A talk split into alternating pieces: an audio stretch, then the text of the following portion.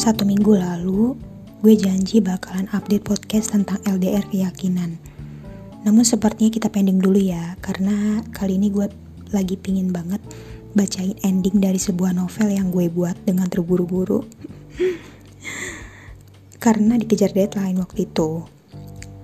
Jadi, gue di tahun 2020 buat novel berjudul Yogyakarta adalah Kamu.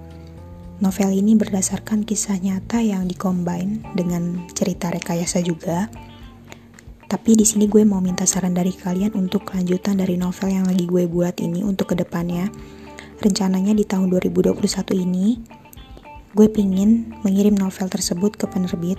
Amin, insya Allah. Tapi gue mau minta saran dari kalian, pendengar podcast gue. Asik.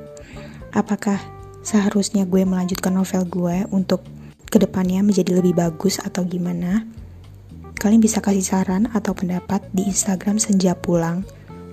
Ya, tapi di gambaran profilnya itu Senja kita ada ungu-ungunya gitu. Tulisannya agak kalau nggak salah ungu deh, Senja kita tulisannya. Dan bionya ada tulisan menulis. Terus kok beda sih namanya sama akun di Spotify? Iya, jadi waktu itu gak kepikiran kalau membuat podcast juga di Spotify. Jadi namanya ada dua gitu deh. Oke, okay, kalau gitu kalian bisa langsung dengerin endingnya dari novel gue yang berjudul Yogyakarta adalah kamu. Aku harap kamu baca suratku dalam keadaan baik-baik saja ya. Karena sejak kamu balik ke Jakarta, aku sudah membuat hubungan kita menjadi tumbang tindih yang sepatutnya hanya akulah yang pantas menerima semua ketidakadilan yang kamu rasakan. Namun, Ra, percayalah, keputusan aku dalam hubungan ini kupikir sangat baik untuk kita berdua.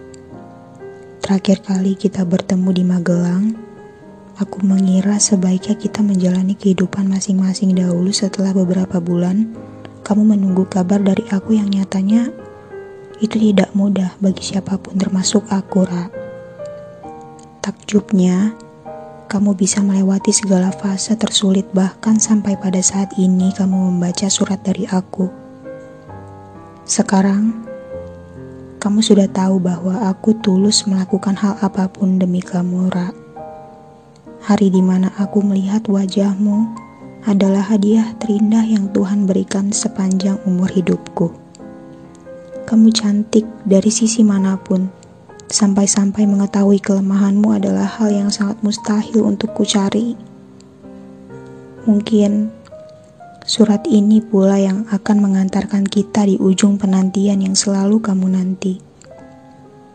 Kini kepastian tersebut telah sampai dan dibaca oleh dirimu Berterima kasih kepada Pak Pos yang sudah mengantarkan surat ini sampai kepada orang yang selalu aku sayang di mana pun ia berada.